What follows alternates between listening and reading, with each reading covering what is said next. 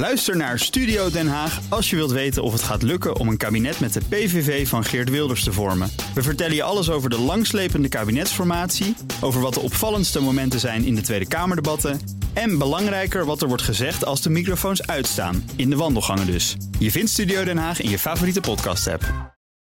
De column van Marianne Zwagerman. Op de radio kondigt BNR mijn gesproken stukje tekst aan als een column. Op internet is het een podcast.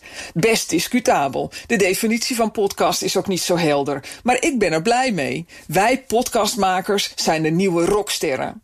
Spotify kocht de Amerikaanse podcastmaker Joe Rogan voor 100 miljoen dollar weg van de andere platformen.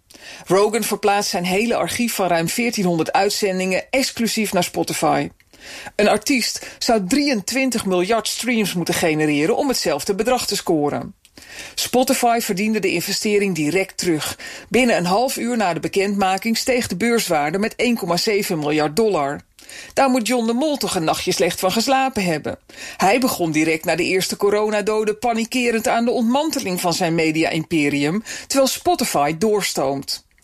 Podcastkoning Rogan moet andere motieven hebben dan geld voor zijn exclusieve overstap naar Spotify. Hij was al succesvol met zijn ongescripte, soms ellenlange gesprekken met politici, sporters, artiesten en ondernemers, maar werd pas echt wereldberoemd toen hij zijn podcast ook ging uitzenden op YouTube.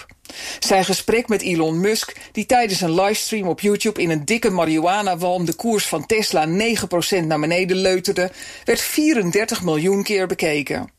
Rogan verdiende al zo'n 30 miljoen dollar per jaar. Spotify voor een contract van naar verluid drie jaar kan voor hem niet de doorslag hebben gegeven. Kickboxer Rogan heeft rauwe, controversiële gesprekken. Ook met mensen die zelf al gedeplatformd zijn, die het podium ontnomen is, gecensureerd door YouTube, Facebook en Twitter. Zoals Maurice de Hond een paar dagen geleden weer overkwam. Zijn gesprek bij Café Weltschmerz met Pim van Galen over het coronabeleid werd van YouTube verwijderd wegens schending van de voorwaarden. Rogan werd tot nu toe nog niet in zijn werk belemmerd door YouTube, maar dat leek een kwestie van tijd. Hij stopte vorig jaar al met de livestreams. Hij wond zich erover op dat YouTube een video verwijderde van twee Amerikaanse artsen die oproepen tot de versoepeling van de corona-lockdown. Je kan pas vrij zijn als je iets hebt dat niet gecanceld kan worden, zei Rogan laatst in een interview.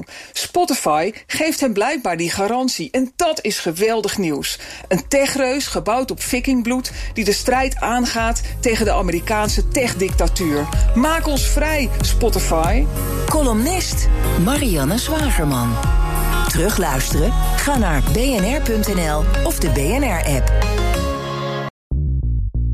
BNR ben je altijd als eerste op de hoogte van het laatste nieuws. Luister dagelijks live via internet. Bas van Werven. En heel langzaam komt de zon op rond dit tijdstip. Je krijgt inzicht in de dag die komt op BNR, het Binnenhof in Nederland en de rest van de wereld. De Ochtendspits. Voor de beste start van je werkdag. Blijf scherp en mis niets.